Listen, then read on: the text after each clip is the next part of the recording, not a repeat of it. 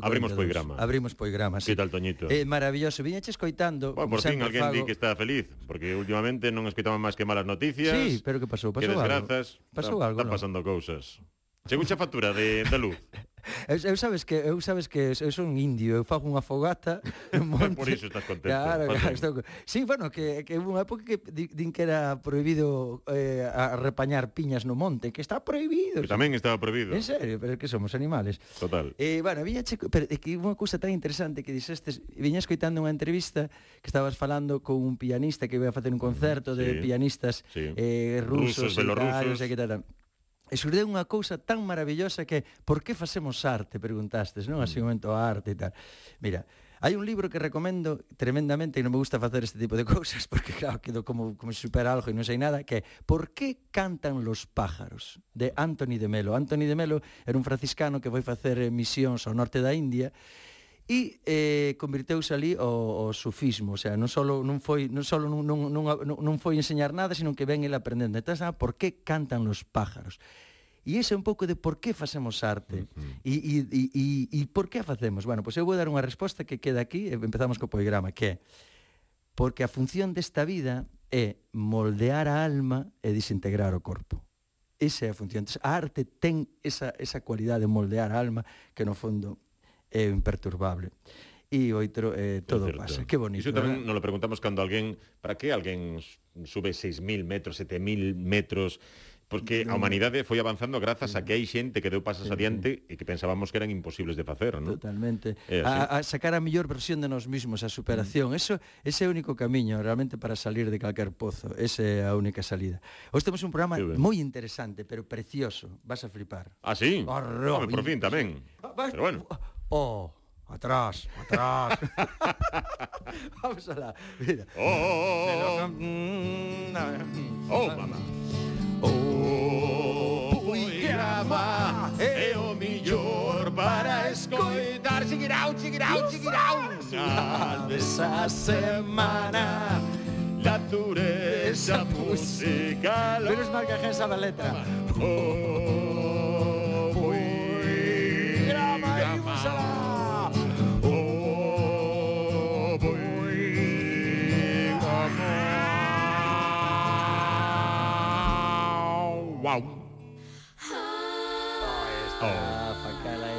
cantando aí. É o mellor dos tres, eh, sí, eh, Facal. Sí, sí, sí, é o mellor de sí, do... Sí. Eh, pero, a mellor voz dos tres, a de Facal. Sí, eu teño unha voz estupenda para escribir a máquina. sí. Eh, sí, eh, sí. Bueno, ya, vamos sí. co primer... Sí. E ata aquí o programa. Ala, hasta logo. Vamos a ver, mira, Paco Gallego, Gallego, non galego, Paco Gallego, ten unha discoteca que chama Glamour. Mm. Vale, vamos a empezar así fuerte. Vale. De todas as cousas que se poden roubar nunha discoteca, mm. que se pode roubar moita cousa, non, non tanto como nos hoteles, nos hoteles podese roubar moito máis. Xa están para iso, ademais. Por supuesto. Para roubar, é a tentación que se poñen. Claro, o Albornoz, mira que levar o Albornoz. bueno, Pois eh, atende, por favor, o que lle roubaron a él nunha discoteca que parece mentira, pero bueno, é cierto, no obstante. Escoito que lle roubaron a él na súa discoteca Glamour, por favor. Pero podes contar unha do Glamour, porque eu creo que é a máis forte que nos ocorreu nunca e non sei se lle pasaría a algunha discoteca no mundo que nos pasou a nós. Pois eh. que un día roubaron o noso inodoro. Un? Ui, o váter. Roubaron o inodoro cando fixemos ao, fi, ao final da noite, cando se pasa recontos os porteiros que pasan por todos os lados da, para ver como queda o local, chegaron e dixeron, oye, falta un inodoro. E nos, como? Que falta un inodoro, tuveron que sacar por a salida de emergencia, non sei como, é que levanos o inodoro e Digo, pa que unha persona pode levar o inodoro para casa? A partir de, de marcha, ademais. De marcha, de, de marchar seis da mañá ou sete. Mami, se for unha pileta, claro. de lavar as más claro, para o inodoro. Que, o sea, que... como estaría eh, para marcar o inodoro, claro. tío. Pero creo que tuvo que levar chaves e todo, porque senón eso non as quitaba. Coste que eu sempre, eu sempre defendo que haya, que haxa bidés. O sea, eu, eu non uso papel, sí. uso bidé. Non sei se isto... Como, como? Ah, non sabes? Nunca che comentei eso. Sóame algo, non utilizas papel, utilizas bidé.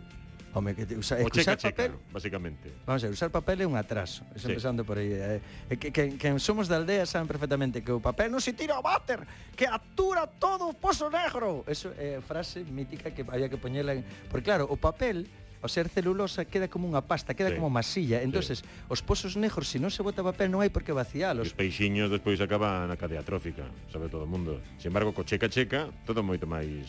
eh, sí, é verdade. Bueno, eh, e, e en moitos países, a maioría de países de, de Asia, Oriente Medio, tal, tal, non usan papel en absoluto, usan unha mangueiriña que teñen e tal. E nós por eso temos vida, por eso reclamo vida. Bien. Bueno, total, eh, que, que dime. no, co, mm, como é discoteca? Ah, glamour de no, Ourense. Glamour, roubaron o váter, o sea, o váter, sí, sí. pero tuvieron que desmontar las chaves inglesas. O sea, para cagarse. para cagarse. Bien, bueno, Mi madre. Vamos a ver, mira. Ti sabes que eu ando por as aldeas e tal, en este caso é un, bueno, foi unha historia de cidade, pero bueno, ando por as aldeas e tal, e sí que hai un clamor, mira, falando de clamor, clamor, eh, sobre o conflito este bélico. A xente afétalle moito. E de toda, de, porque eu cando pido historias que me conten tal, pois a xente pois, recunca non con este tema porque realmente afectalle a xente, sabes? Está... Uh -huh. E os vellos máis que ningún. Mire, atopei un vello tan lúcido, tío, tan lúcido, tan maravilloso que me gustaría compartir. Pero antes de nada, quería facer este rollo de tipo John Lennon, sabes? A, de, a ver se me sale. Mm, a de, mm, todo é posible. Si está... Bueno, non, non vou afinar nin a tiros. Como é, como é a letra? Todo é posible? Sí, era, era de, a de, todo é posible si estamos en paz. Todo é posible se si estamos en paz. Bueno, o sea, a paz é a base de todo. Unha sí. vez máis que agora está salindo mellor. todo é posible si estamos en paz. Que bonito, veña, fai segunda voz. Vamos a Todo é posible. Qué bonito, vamos todos. Si estamos en paz, paz no mundo, paz dentro de los corazones. Ah, que acababa aí. Sí. Vale, perfecto. Eu creo que... Tampouco vamos a estirar a Joma. Vale. Eh, imos con Fernando Vidal, 88 anos, casi Ajá. 90. Non, quedamos moi pouquiños. Eh? Pois eu teño 80, 68 anos. Eh, estas cousas eh, moi pouquiños, no? aquí eh, moi poucos. E así foi a vida que nos tocou vivir convivir agora as axudas que hai o asunto de Ucrania agora os ucraínos teñen as axudas que xa quixéramos no nosa e cando morreron despois durante tres años na guerra aí. Porque a guerra non nos fan fanos intereses. Pero son intereses. Ou vente porque estamos nunha lei. Agora veñen muchísimas miserias, muchísimas injusticias. Pero, ah, mira, ah, ah, aí está, porque eu, eu non se entendía moi ben e o vento, eu, disculpade, porque agora ven realmente a historia interesante. El, el xa non veu... Fala da guerra, non? Da... Sí, sí, bueno, el viveu a guerra. Sí. Dice, viveu a guerra, viveu a miseria, viveu todo eso. E contou historias tremendas, que non vamos a compartir algo moito máis interesante que as batallas del, que sí, que bueno, que a xente non podía escapar para Portugal, porque aí tamén había unha ditadura e só os mandaban cos pés por diante para aquí e solo podían escapar para Francia, que ele estuvo no famoso campo de concentración de Francia, onde mm. foron tal, bueno, aí nas playas, bueno, ten unhas historias tremendas. Pero o Capuntel é moi interesante, que dicir, no, o problema non é a guerra, o problema é despois da guerra, porque a, a represión que, que significou que, claro, nasceu na Segunda República con as libertades impresionantes, o sufragio universal para a muller, eh, de, e, e, bueno, e de repente a locura outra vez, non? Porque ese é o que representa a guerra, o, o temor que se instala nos corazóns da xente, entonces permite que a, a locura e, e a represión pois nos nuble a alma e tal. Entonces mira, fíjate, el despois da guerra realmente é o seu problema. E mira, mira o que tiña que estudiar na escola, atende, que ahora ven todo sabía interesante. a historia sagrada de memoria e non sabía ni sumar. Ah, que, non sabía sumar. Que, que historia sagrada de memoria que é iso? De toda a vida dos santos, do, da iglesia, de todo iso tiña que saber. Eh? Era, a historia sagrada daquela, de un libro, iso era, era o primeiro que che mandaba naqueles tempos. E non sabía ni, ni sumar? Non, non sabías máis, non, nada, non, nin un cero, nin nada, nada, nada. nada. Increíble. De onde o sea, este home? Este home é de... Ai, que non me digas, por favor, espera, a ver. Ai, ai, ai, ai, ai, non... A ver, de altura, vamos, de Bueno, riba de Tea, no, no, por, por riba de por Tea, riba de pero, tea, vale, pero non quero vale, vale. non sei, non me acordo a aldea, porque vale. eu, eu cando no, no, non pasa nada, pero no, bueno, pola zona, pola comarca. No, pero eu te explico, mira, eu cando fago poigrama, eu collo o coche, vou andando, paso, eh, a veces hai aldeas aquí, entonces, mira, este vello aquí, este un, un querme falar, non quer co jarabe. Outro quer co jarabe, non, non teño por que jarabalo. Non, ten... non ten nada que dicir. Bueno, e así pero... tal. E este, bueno, entonces Vale, pues por, por esa altura. Bueno, E, e mira, non sabía nin sumar e tal Pero o problema é que el tuvo profesores que máis ou menos tiña conciencia Pero fíjate, unha figura que aparecía no colexio dun inspector Mira, que che conte isto que é increíble. Que, Claro, centrábanse neso Nes na religión era, era quen dominaba. E viña de vez en cando un, un inspector Con as presillas nun pantalón e unha, e unha blanca. E eh, cuidado que, eh, Fijabas muchísimo neso E ao mellor o maestro ainda había todo de todos os ideales, pero tiñan que cumplir aquilo, daquela non había... E non había escapatoria. O sea, que viña un... Un, un inspector, sí. Para vigilar que se sí, ese, sí, a, a sí, historia sagrada. Sí, totalmente, sí. Iso me se preguntaba. Sí, señor. Vale, bien. Pero a represión non só se limitaba a, a esta, a esta educación tan ridícula que te sabe a vida de todos os santos e non saber sumar todo eso, e que veña un inspector para comprobar que si sabes todo ese organigrama celestial, senón que tiñan unha confesión obrigatoria. Non sabías ti eso, verdad? Nas escolas... estabas con... a pasar polo confesionario. A pasar polo sí. confesionario. E a, a, a, vamos directamente ao allo, porque é increíble. Horrible, metíase nos confesionarios. Aí, aí, preguntábase cousas que eso, eso, iso é mellor nin comentalo. Hai cousas que Bueno. E o da confesión, como é que tomaba notas? E o que dicías, apuntaban? Non, non, non, si ibas á confesión ou non. Si, Sí, sí, sí, sí, sí. Fulano de tal, tal así. Despois, eh, ti non dicía nada, as preguntas eran todas deles. Querían quitar de ti. Eu non tiña conocimento ningún. Que conocimento tiñemos? Unha xa en estudio ningún, con sete oito anos. Mire, con 7 8 terrorífico, anos... terrorífico porque claro, es un pecador, vives no pecado. Bueno, e mi, mira, 24 horas. claro, eu, eu pensei que lle preguntaban cousas porque eh, bueno, tamén me comentaban que a veces usaban os confesionarios para delatar, non? A ver, os teus pais que actividade están. Non, non, era moito máis terrible aínda, sobre todo para rapazas que para rapaces, mira, escoita. Contache facían como uh, dos pais, a que se dedicaban? Uh, no, do, sobre os pais non moito, pero se facías así cousas eh, feas, eh, cousas eh, como se facías unha pera, por exemplo. Si, sí, su cantidad, eh. Eh, e as mulleres, eh, diga, diga algo máis, usted ten algo máis de eh, pecado.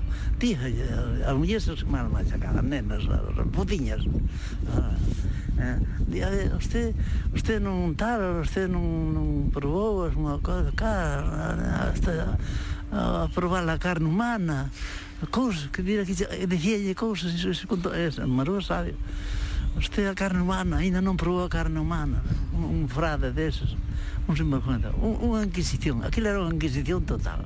Vale, pois pues Ay. terrorífico, verdad? Pois, que hai dous días disto tamén, eh, eh, que hai que recordalo. E el viveu a, a etapa da República, digamos, que, que, que era unha etapa de libertade, donde, bueno, nas escolas incluso salían a, a, a, a natureza. Bueno, moi cativiño tamén, moi neno, non? ¿Sí? Na República sería moi neno. Ah, pero ele acórdase, ele acórdase. Sí, sí, sí, sí. sí. El di, bueno, a ver, bueno, igual tamén inventa, tamén, a ver, claro. tamén inventa un pouco, non vamos a mm. tampouco a exagerar. Claro, a ver, hai, hai unha cuarta este di... e a voz que pon doñito de poi. abierto, abierto. Que, no, no, no, no esto es real. Fernando Vidal, chamase. Chamase Fernando Vidal. E, e mira ti que, que, que me gustou o apunte que fixo que dicir, vale, unha cousa é o conflito bélico ora armado, que din eles teñen axuda, nós non teñemos ninguna axuda, ou teñen fronteiras para onde escapar e tal, pero o pero é o que ven despois, o sea, que precisamente fan estas guerras por uns intereses para apretar os machos a, a bueno, de que tratarnos xa como auténtico ganado, claro, uh -huh. exprimirnos pola mañán co combustible, co que co sol comprender a luz e tal. Bueno, entonces eh eu rescatando, o sea, esas historias eh, quería recuperar unha de Leluca que tiña aí tempo. Oh, Leluca, por no, favor. pero que tiña aí tempo que Sai era genial. Sol, no porque ela, sí, porque ela traballou de niñera e de doncella en dúas casas ricas, moi ricas. Mm. Pero claro, estamos falando da posguerra, unha casa rica e claro, aparentemente rica, pero atende Eh, vamos a abrir as portas desa casa rica na que sirveu Leluca cando era pequena. Eu estuve de niñera nunha casa que facíanse de ricos, sea, pois era un ingeniero dos que ensaminan os os que fan o carné de conducir, os que sacan o carné de conducir. Ensaminan. Eran enxeñeiros, eh, os que facían o... Claro. Sí. A comida, a hora de comer, o carajo 29. E dixo, eu será así, comerán así os ricos. aos meniños para a comida espaguetis con mantequilla. Espaguetis cocidos con mantequilla un día e con salsa de tomate o outro día. E o desayuno tamén a, a correr de nada, máis agua que leite. En fin, e dixo, "Ah, mira que os ricos como, como aquela. Logo despois, o día que se comía un peixe, e xa non chegaba para, para comelo eu. Iba para a mesa e xa se comía todo. Eu amai os meniños espaguete. Spaghetti é a semana italiana, non? Ali... todos modos, A ver, algúns cando son ricos son ricos por estas cousas. Ves, é, é, verdad, pois pues mira, claro. mira, tiñan de todo, o sea, aparentemente era unha fa... a min gustou de en un un, un inseminador, eu pensei que era un inseminador, inseminaba, era un, un ingeniero inseminador des que estaba un carnet de conducir. Eso tamén foi maravilloso. Bueno, pois pues, eh, Eh, bueno, esta foi a súa época de, de niñera que colleu os niños e mira tía fame que pasaba e pasou fame, pero fame, fame ali, nunha casa aparentemente rica para os de demais. Ricos, e claro. sorprendeuse de, mira, aquí, bueno, vale, e ora vamos a ver que cando estaba de doncella noitra casa rica. Bueno. Por mediación delas, elas buscaronme outra casa que fun de doncella para outra casa. E dixo eu, Dios, queira que non sean tan ricos como estes para non pasar tanta fame. bueno, e dixo, sean algo menos ricos. Cociñeira, pero tiñan jardinero tamén, que, que tiñan hortas. E dixo, bueno, polo menos aquí xa non paso fame porque hai fruta, había mazáns, había uvas, e dixo, bueno, aquí xa a cousa xa cambia, que polo menos eu andaba polo horta cos nenos, e pol, aunque non lle escollera do árbol, os que caían abaixo os mazáns, e iso, xa as comía. Bueno, Qué grande era Luca. Qué grande era Luca. Eh, maravillosa, como maravilloso. siempre. Sí, Nunca sí, decepciona. Sí, no, no, no decepciona. Mira ti bueno. as, as necesidades que pasaban, verdad? Que os que a veces, a veces os ricos que apertaban ricos, e mira, tiña que comer as masáns que caían Sabes, comer espagueti mientras, é increíble. Espagueti un día y, con manteiga, outro día con tomate. Pero, o que é curioso é como de, de, a mellor eso xa se perdeu un pouco, verdad? As apariencias, o sea, aparentar, non? Que, Ainda te, te... sei que a apariencia, hai xente que vive de apariencia, non? O cual é un atraso, Que necesita. ¿verdad? o cual é un atraso tremendo. Que necesita, pero que hai. Sí, sí, sí no, o importante non levar un golpe na cabeza en este caso, é que non nos como decorado. E, e a paz é unha das cualidades máis importantes do ser humano. Parece que, que deseamos tantas cousas, verdad? Que deseamos, eu quero ter el iPhone 13, bueno, xa. Sí. E por que non nunca ter paz en el corazón? Que tendo paz claro. o ser humano, verdad? Eu, xa, pero con eh, que, que descargas paz no corazón? No? eu, eu soporte, eu soporte absolutamente de todo. Cando estreamos o novo disco ah, de Herederos da Cruz? Alegro que me faga esa pregunta. Eu, o día día 11, sea, este venres estaremos disco. Ah, por certo, este venres toco eu en eh, co, co Indios, Indios presento na sala 40 de Vigo, en Vigo. Mira, ás 10 da noite na sala 40. Por favor, importantísimo. Sala 40